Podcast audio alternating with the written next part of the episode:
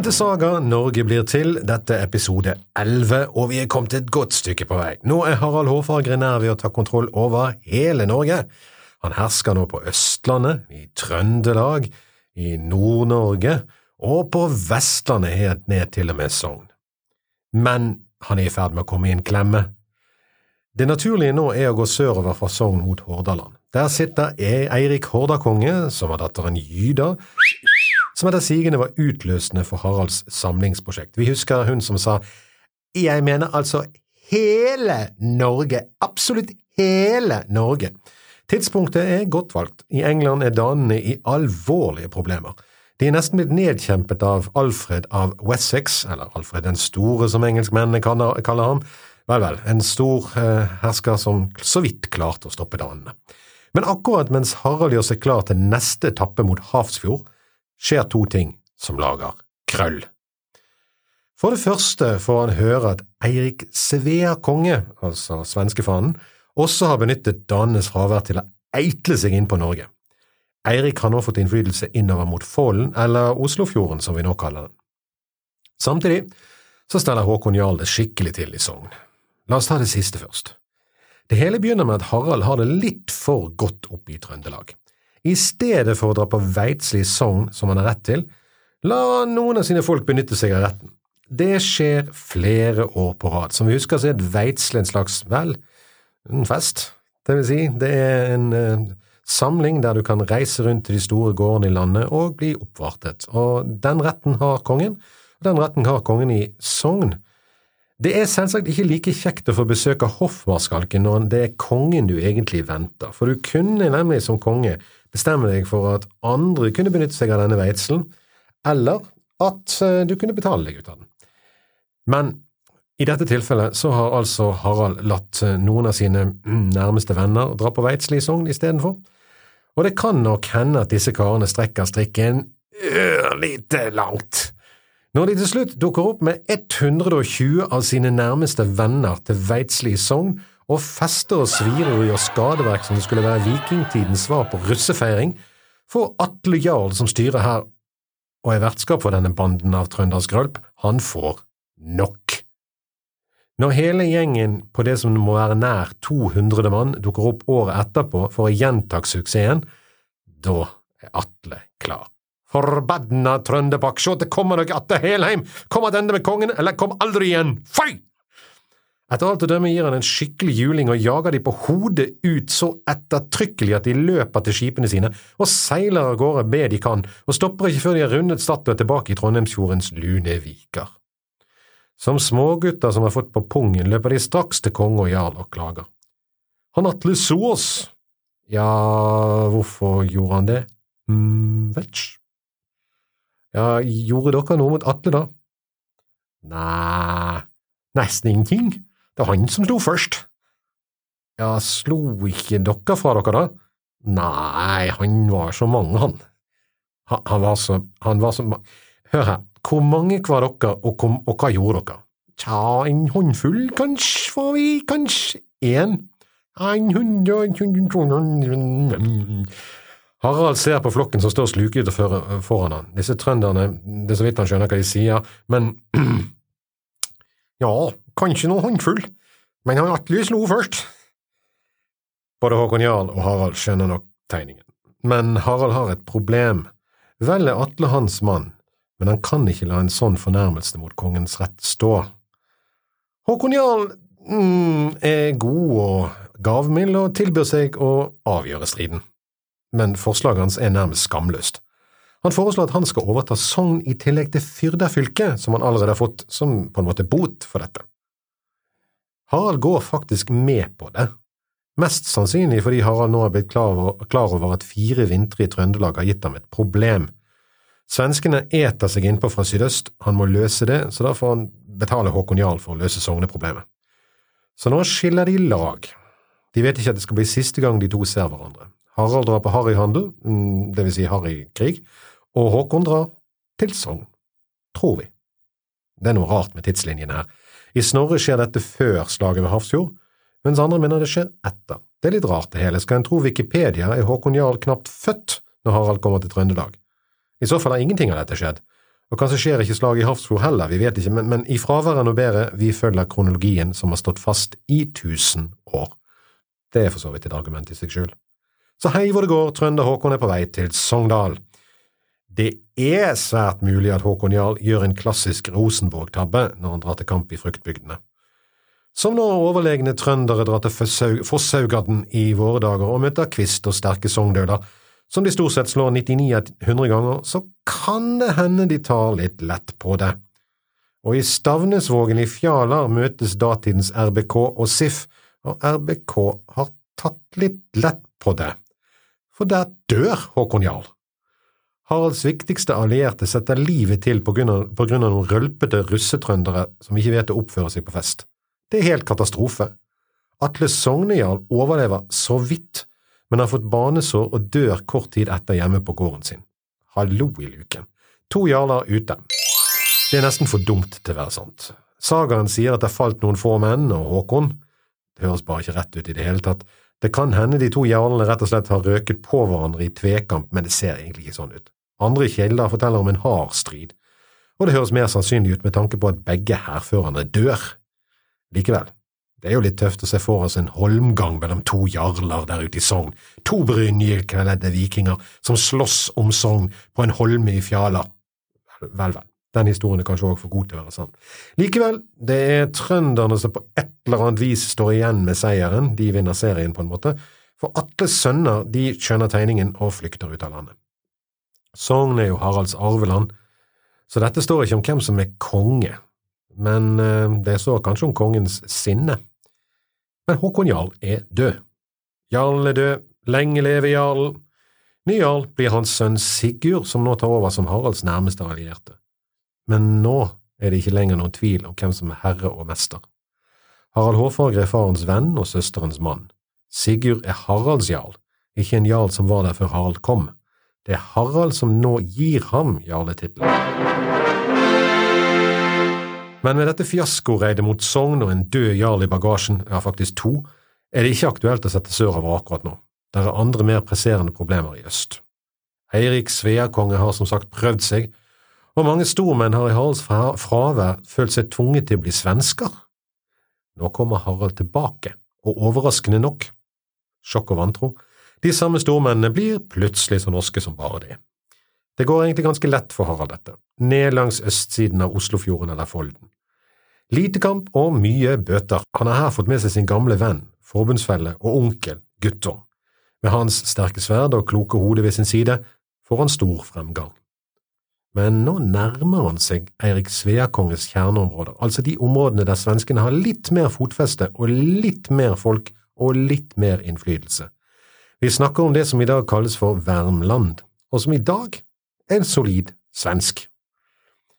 Her får vi møte sagatidens kanskje dummeste eller tøffeste mann. Og det sier litt. Han er svensk eller norsk, og heter selvsagt Åke. Det er heller i retning svensk, men hva vet vi, det er mye rart som skjer i Värmland. Dårlige ordspill på åkenavnet er mange, men her får en vel si at det som nå skjer, det er mer enn underlig. Värmlandsbonden Åke, han får det for seg at han skal invitere kongene på fest på Veitsle, det er for så vidt greit, men han får det for seg at han skal gjøre det med begge kongene samtidig. Altså, bare for å gjøre det helt klart, midt under en bryggende norsk-svensk krig, Åke inviterer både Harald Hårfagre og Erik Sveakonge til fest på sin gård samtidig. Ja, det tycker jag är en hemsk god idé, så kan de dricka sig fulla på krepsor och sup och så blir vi alla goda polare. Jajamensan. To fulle vikingherrer på fest på samme gård samtidig, nei, dette kan jo ikke gå galt på noen måte. Åke skjønner etter hvert at det kanskje ikke er helt smart å putte disse to kongene og hæren deres i samme rom sammen med mjød og mat, så han bygger like godt en ny gildehall. Han lar svenskekongen holde til i den ærverdige gamle, med alle de gamle drikkekarene og de alt det ærverdige gamle skaffetøyet, mens han lar Harald få den nye halen med alt det nye bestikket og de nye drikkehornene og alt det nye møbelmanget. Kanskje dette er et naivt forsøk på å unngå å havne midt i en strid som vil gjøre mye skade på folk og fe i området, men modig, det er det i hvert fall. Med noen hundre velbevæpnede menn og berserker på hver side vil det være et under om en kommer forbi første forrett uten at kampen bryter løs, og første natt uten at, vel, eh, etter vanlig oppskrift, noen brenner inne. Men underet i Värmland skjer. Etter å ha festet i tre dager og vært nær full krig på Åkes jorder i like mange dager og netter, så har de to kongene faktisk klart å ikke slakte hverandre ned. Det ser ut som Åke har passet godt på, eller eventuelt holdt de så fulle at de ikke har klart å gjøre noe.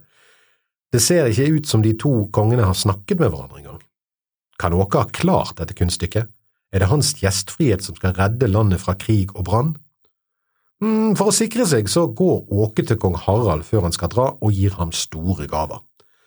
Størst av alt er gaven sønnen Obbe. Han gir altså sønnen sin til Harald som tjenestemann. Dette er ikke så uvanlig, og det er en stor ære på begge sider å gjøre dette. Harald tar faktisk imot og takker godt, og lover vennskap i retur for gaver og sønn. Dette er stort for Åke. Nå er sønnen hans, hans eldste sønn, arvingen, tatt vare på hos Harald, og han har etablert et vennskap der. Han har ikke lenger noe å frykte fra den siden. Nå står det bare én ting igjen, å sikre seg på svenskesiden også. Mens Åke går til Eirik, kong Eirik, gjør Haralds følge seg klar til å dra. De pakker opp på hester og sleder, og Harald hilser skikkelig på Obbe, hei, hei, hei, hei, som nå skal være hos ham. De er i godt, godt humør, selv om de stadig skotter i retning svenskekongen, i tilfelle han skulle finne på noe tull. Når de er klare til å dra, ropes det etter Åke, slik at de kan si farvel slik det høver seg etter veitsle. Men ingen Åke er å finne. De leiter, og de leiter. Svenskene har forlatt gården, der ingen igjen i Gildehall de har brukt, der er det tomt. De følger etter sporene etter svenskene opp til et lite skogholt, og i det skogholtet finner de Åke, og Åke er død. Et skarpt sverd har hugget ham rett ned. Kanskje var Åke litt høy på seg sjøl etter at han hadde lykkes så godt med planen sin med Harald, eller kanskje var han rett og slett litt dum?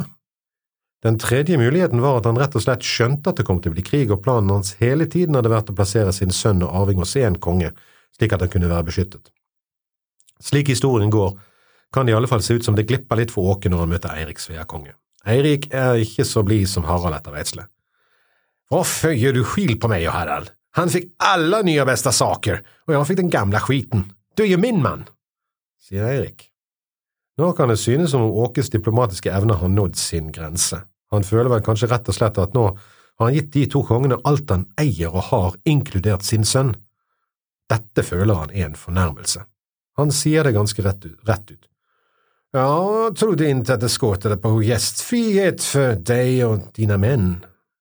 Du fikk det gamle, for du er den eldste, og Harald, han fikk det nye, han er den yngste og i sin blomst. Men om det minner meg på at jeg er din mann, så vet jeg ikke annet enn at du er like mye min mann, sa Åke. Var det en fornærmelse, eller var det rett og slett en bekreftelse av Åkes troskap? Vi er hverandres menn. I dagens språk høres det egentlig ut som det siste, men Eirik tok det som det første, og hugg Åke ned. Da Harald fikk høre dette, fikk han det han trengte av påskudd. Hevn, Åke bonde! ropte han, og hele hæren satte etter svenskene. Nå følger en vill jakt gjennom Värmland, over slettene i Värmland. Eirik vil ikke ha kamp, han flykter rett, flykter rett og slett over til Jøtaland. Når han forsvinner inn i skogen som deler Värmland fra Jøtaland, så gjør Harald Holt. Han vil ikke lures inn i skogen. Hva som helst kan jo lure der. I stedet snur han og herjer Värmland opp og ned og tar det i besittelse. Han okkuperer Värmland. Om vinteren tar han seg tilbake til Tønsberg, samler skip og menn, og invaderer Sverige. Han herjer i Bohuslän. Svenskene setter påler i Gjøtaelven for å hindre Harald i å komme opp med skipene sine, men Harald bruker i stedet pålene som fortøyningspunkt og herjer opp og ned langs elven på begge sider. Gjøten og Erik Sveakonge kaster det de har inn i kampen, og noen få ganger lykkes de, det kan vi lese ut av sagaene som sier at Harald som oftest vant men som oftest er nok. Når støvet fra kampene har lagt seg, har Harald etablert det som i praksis blir riksgrense i flere hundre år fremover, Gjøta elv. Nord for elven er Norge, sør for elven er Sverige. Harald etablerer styret sitt her ved å gjøre onkelen Guttorm til jarl over det nye riket. Med Guttorm godt på plass holder svenskene seg klokelig på sørsiden av Gjøta elv. I tillegg setter Harald av sted to av sine vel beste eller verste menn til å hjelpe Guttorm. Og det er det nærmeste man kommer et hemmelig politi på denne tiden. Dette er de karene som gjør de tingene kongen ikke kan. Danene derimot, som er rett over fjorden, holdt jeg på å si, rett over havet, de er fortsatt i trøbbel i England, men nå blir det stadig flere spørsmålstegn her. Vi har fått detaljerte historier om hvordan Harald har slått seg rundt i Innlandet, Trøndelag, Møre, Sogn og til og med i Sverige. Men det er veldig stille om hva som foregår fra Sogn og sørover langs Vestlandet. Sagamessig og kildemessig virker det som det er et svart hull mellom Fjaler og Viken. Men etter historien med Atle og Sveane kan det se ut som Harald har beveget seg sørover Vestlandet. Men som sagt, sagaene er ganske tause. Hvorfor det? Vel, det kan kanskje være slik at det var lite å fortelle. Kanskje var ikke folkene her interessert i å slåss, de aksepterte bare overherredømme. En annen forklaring er at de valgte å finne et bedre sted å ta kampen, for hordalendingene, med Eirik Hordakonge, faren til Gyda, i spissen skjønte nok at de ikke hadde styrke alene til å ta kampen opp. Samtidig kunne egentlig ikke Harald angripe kjerneområdene til Eirik på Voss, og det er ikke så vanskelig å forklare. Å komme til Voss kan være vanskelig nok i dag, langs rasutsatte veier, men den gang, uansett hvor en forsøkte, så ville en havne i klem i en trang dal eller et gjel og bli knust, bokstavelig talt, enten av ras eller av motstanderen. Derfor er min hypotese at Harald ikke fikk satt seg skikkelig fast i Hordaland, i hvert fall ikke i indre deler av Hordaland, og det var nettopp derfra at opprøret skulle komme. Mens Harald er hjemme i Trøndelag og setter barn på Åsa, fire sønner og hvem vet hvor mange døtre, så legges det skumle planer andre steder, og etter hvert så kommer det Harald for øre. Eirik Hordakonge, Sulke Rogalandskonge, hans bror Sote Jarl, Kjøttve Agderkonge, hans sønn Tore Haklang, Roald Rygg og Hadde en hare, og til og med etter noen kilder gode gamle Solve fra Møre, de samler seg, og de henter folk fra andre siden av havet. Men det er en lang kyst med mange fjorder og viker, hvor er de hen? Og hvor er Harald? Ingen har radar og den slags, det er som å kaste terninger. Harald seiler sørover på leiting og plukker opp menn og krigere og skip langs veien. Han finner de ikke. Og til slutt ankrer han i en, i en fjord ved Jæren, der det har bodd folk lenger enn noe annet sted i landet, like ved en hule der folk har bodd så lenge det har vært folk her, og helleristninger er det mange av rundt hele området, som minner om folk som ikke er der lenger, og det de trodde på. Men da som nå står én ting i fokus, mange skip med mange menn om bord, både på fjorden og på helleristningene. Opprørerne finner han her. De legger til i det som nå er Vistebukten. De nøler. Harald ligger inne i Hafrsfjord. Innseilingen til der Harald ligger, er smal og trang, og strømmen er sterk ved tidevannsskiftet. De må vente på det rette øyeblikket. Og dermed er muligheten for å komme overraskende på tapt. De venter og de venter. Det var denne episoden, og neste gang skal vi høre hva som skjer når de slutter å vente ved Hafrsfjord. Hvis du har spørsmål eller kommentarer, så send de til tom.christer.gmail.com, og gjør endelig det. Og så ses vi igjen ved neste episode.